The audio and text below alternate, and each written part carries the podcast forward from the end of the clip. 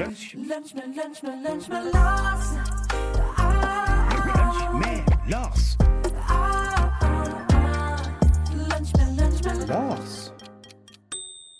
Nå spisser det seg til. Eller er Norge rett og slett i ferd med å normalisere seg? De siste meningsmålingene tyder iallfall på at bildet vi så i vår, ikke stemmer med dagens virkelighet. Velkommen til Lunsj med Lars, en podkast fra Stavanger Aftenblad om valget i Rogaland og Norge. Mitt navn er Lars Helle, og jeg er redaktør i Aftenbladet. Mitt faste korrektiv er kommentator Hilde Øverbekk. Og i dag har vi igjen med oss Erlend Jordal, som har lang karriere i lokal- og rikspolitikk for Høyre. Eh, han er òg en skikkelig valgnerd, og han er statsviter. Og han har òg fulgt med på de siste meningsmålingene. For sist så snakket vi jo, eh, sist du var med oss, Erlend, så snakket vi om at meningsmålinger ikke er valg. Men Hilde, det har skjedd mye Det har kommet mange flere målinger etter ferien, og det har skjedd mye på dem. Hva er det som har skjedd? Det som har skjedd som er veldig interessant, det er jo at det ikke er så tydelig eh, rød-grønt flertall. Altså eh, Ap og Sp og SV har ikke nødvendigvis eh, flertall lenger i sammen. Og eh, det betyr jo da at hvis de skal danne en regjering, så eh, står de i fare for å måtte samarbeide med de som de har sagt at de ikke skal samarbeide med, altså Rødt og MDG. Eh, og, og det, litt av grunnen er jo at Senterpartiet har falt som en stein. eh, og at klima da har kommet inn i valgkampen for fullt. Mm, SPs fall og klima, Erlend, er det samme observasjonen du har gjort, eller er det andre ting du vil nevne? Ja, altså Det er et av de trendskiftene som vi nå ser liksom i innspurten i denne valgkampen her. Og, det, og, og vi ser jo på en måte fallet på målingene til Senterpartiet. Like interessant for min del, som òg driver på og ser litt på disse bakgrunnstallene, er hvor forsvinner de velgerne hen? Eh, og det som vi kan se, det er jo at eh, de velgerne de forsvinner egentlig til Arbeiderpartiet. Men Eh, altså, det vil si Arbeiderpartiet tar tilbake en del av de velgerne som de har mista til Senterpartiet tidligere. Men eh, Arbeiderpartiet er ikke i spesielt stor vekst. Altså, de, de seiler mot et forholdsvis dårlig valgresultat sånn historisk sett.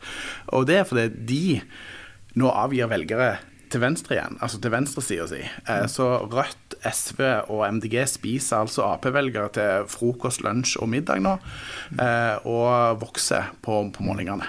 Ja, så Arbeiderpartiet hadde vel litt over 27% for fire år siden, og det ble jo snakket om at det var et katastrofevalg. Men Absolutt. får de det i år, så vil de vel være ganske fornøyd, da. Ja, altså, I hvert fall når de har ligget liksom, og skrapt ned på 20-tallet for bare et år, halvannet siden. Eh, og så har de jo ligget på en 22-23 på den her gjennomsnittet av målingene over tid, altså poll of polls.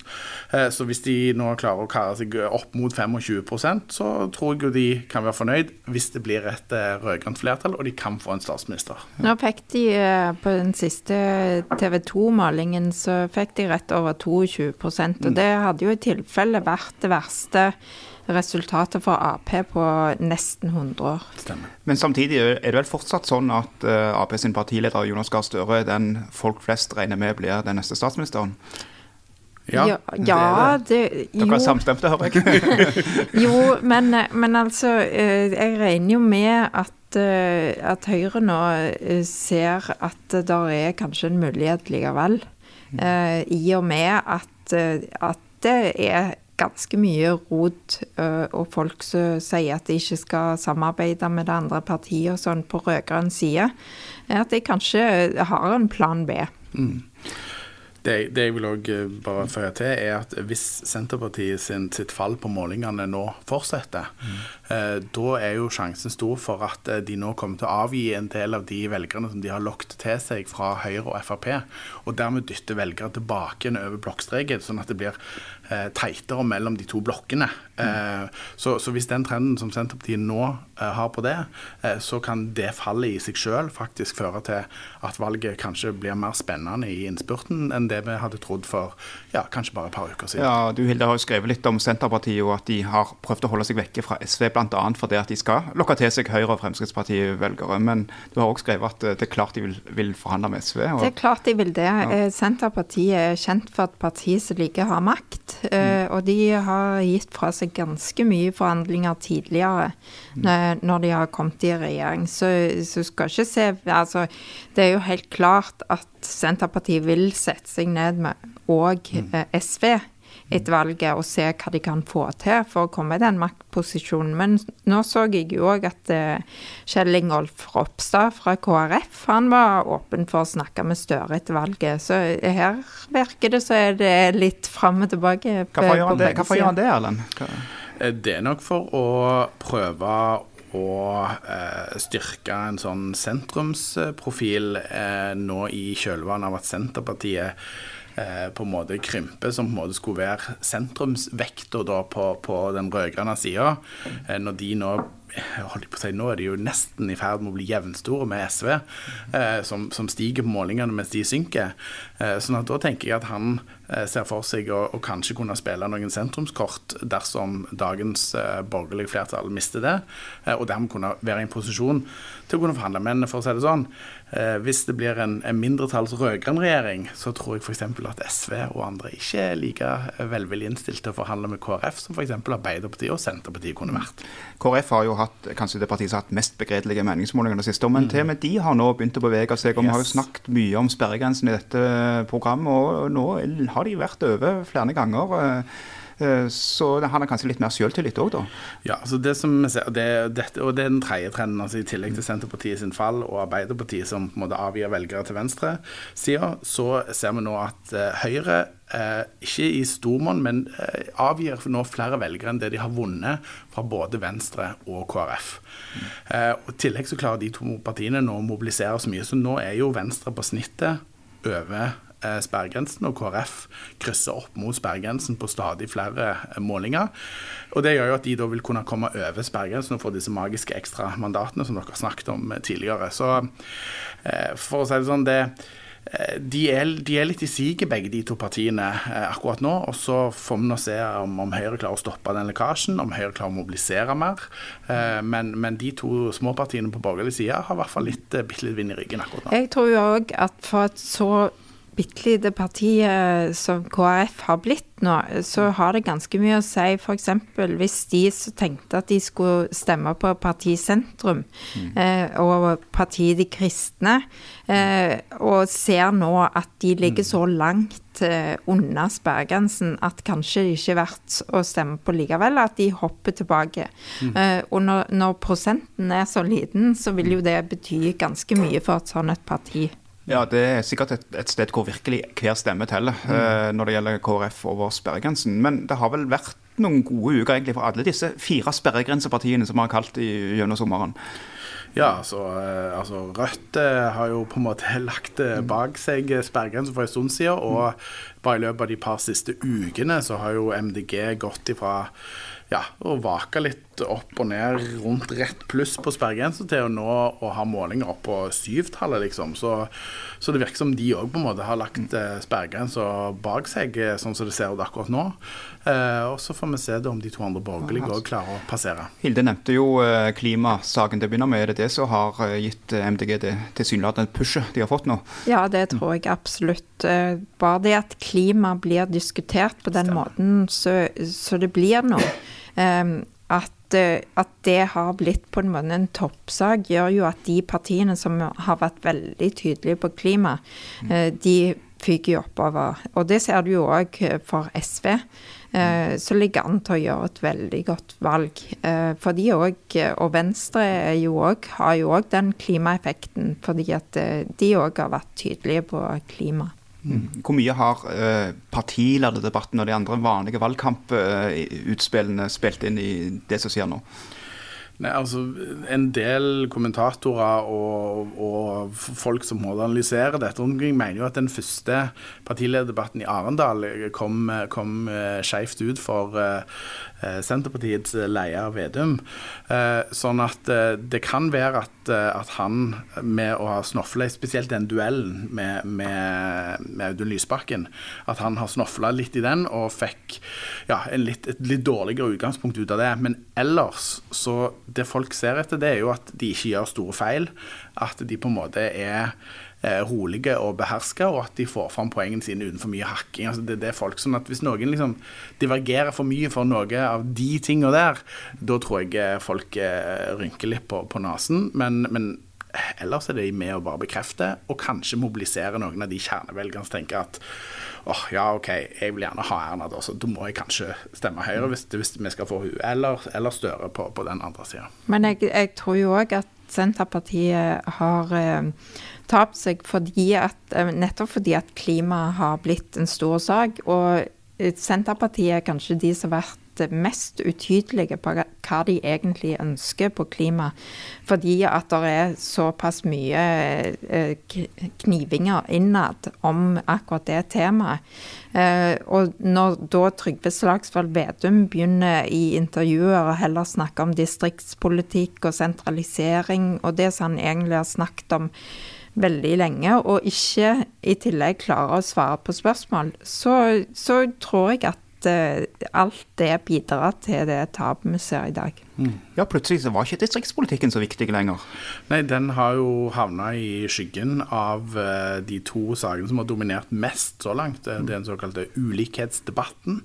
Eh, så det er mange inngang inn i den. Og så er det den eh, om, om klima og miljø som fikk, eh, hva skal vi si, en, et ekstra spark fram med den rapporten som FN eh, la fram. Så, så de to har jo dominert det meste. altså Skole klarer nesten ikke å komme opp på dagsorden. Eh, helse klarer nesten ikke å komme opp på dagsorden. Det er de to som dominerer flatene. Det er der de fleste gjør intervjuer, de fleste store sakene. Eh, partilederne blir spurt om dette på forskjellige vinkler inn og ut. Sånn at det, det er de sakene som ennå dominerer. Det er jo tid til at andre ting kan seile opp i løpet av de neste ukene, eh, med, og kanskje dermed endre litt dynamikken. Men sånn så det, sånn så, altså, hvis de sakene får dominere videre, så har de rød-grønne et, eh, et godt utgangspunkt for Ja, å men fortsatt så, sier du, fortsatt så sier du at meningsmålinger er ikke valg. Ja, for, det, for det, plutselig så skjer det et eller annet, og så kommer det en annen sak susende opp uh, i, i siste sving, som kan være med å endre uh, noe mot slutt.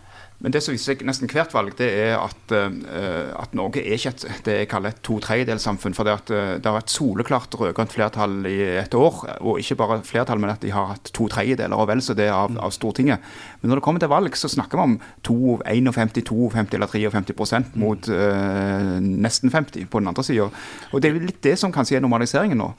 Ja, og jeg har jo hele veien sagt at det kommer til å bli mye tettere mellom blokkene, rett og slett. For det er en del av velgerreservene, altså de som sier at vi vet ikke hva vi stemmer, men du kan se på målingen at, at de har sagt at forrige valg så stemte de Frp, eller forrige valg stemte de Høyre, eller forrige valg så stemte de KrF eller Venstre, f.eks.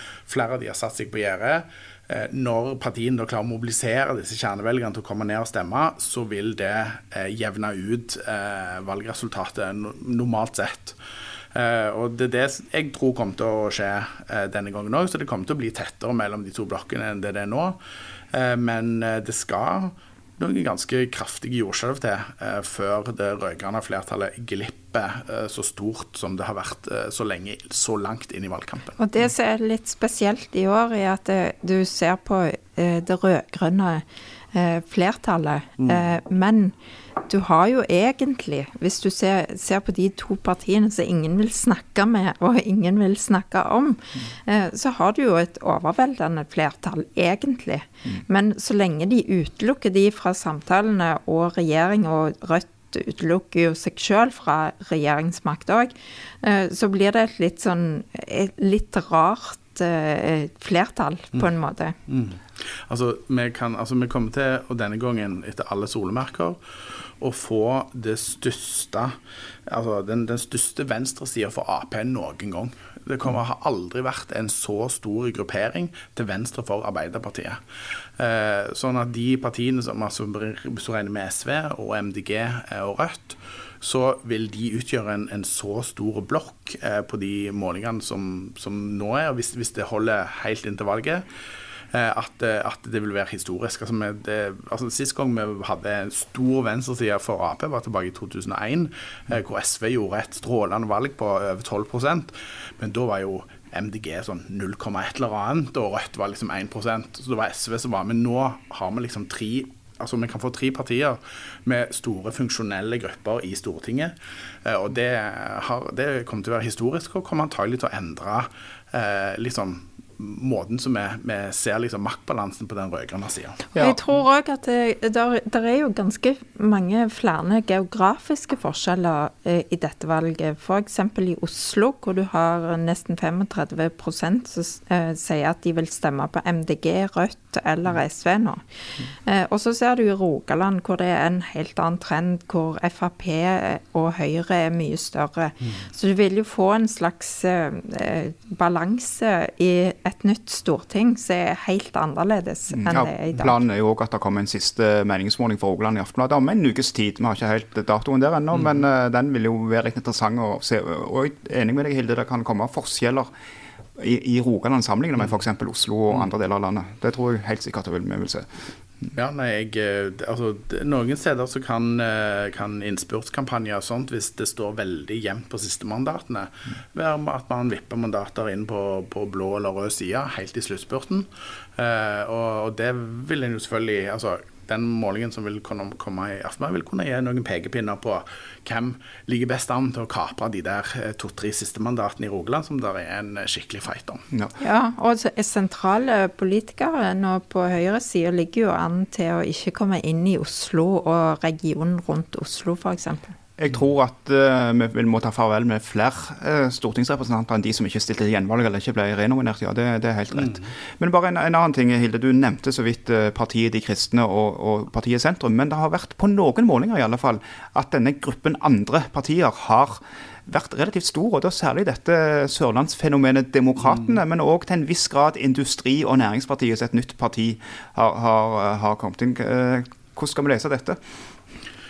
Ehm, altså det som altså, eh, Demokratene har jo eh, altså På de målingene hvor man sett de har vært størst i gruppe andre, så er det på, på Sørlandet, hvor de har delvis hatt kontroll over den her Facebook-sida Sørlandsnyhetene, som har vært en ganske grusom greie der nede, spesielt i forrige De prøver å ta avstand fra han, men Ja. det er jo folk i det partiet som som er med og driver den. Eh, Så det, ja, det har vært en skikkelig, eh, skikkelig runde, for å si det sånn, i lokalvalgkampen. Så, så der har de på en måte en kanal ut til en del velgere. Og så har de i Oslo. eh, Og visstnok så kjører de ganske hardt på å prøve å vinne over gamle Frp-stemmer og FNB-stemmer i Oslo for å få et mandat.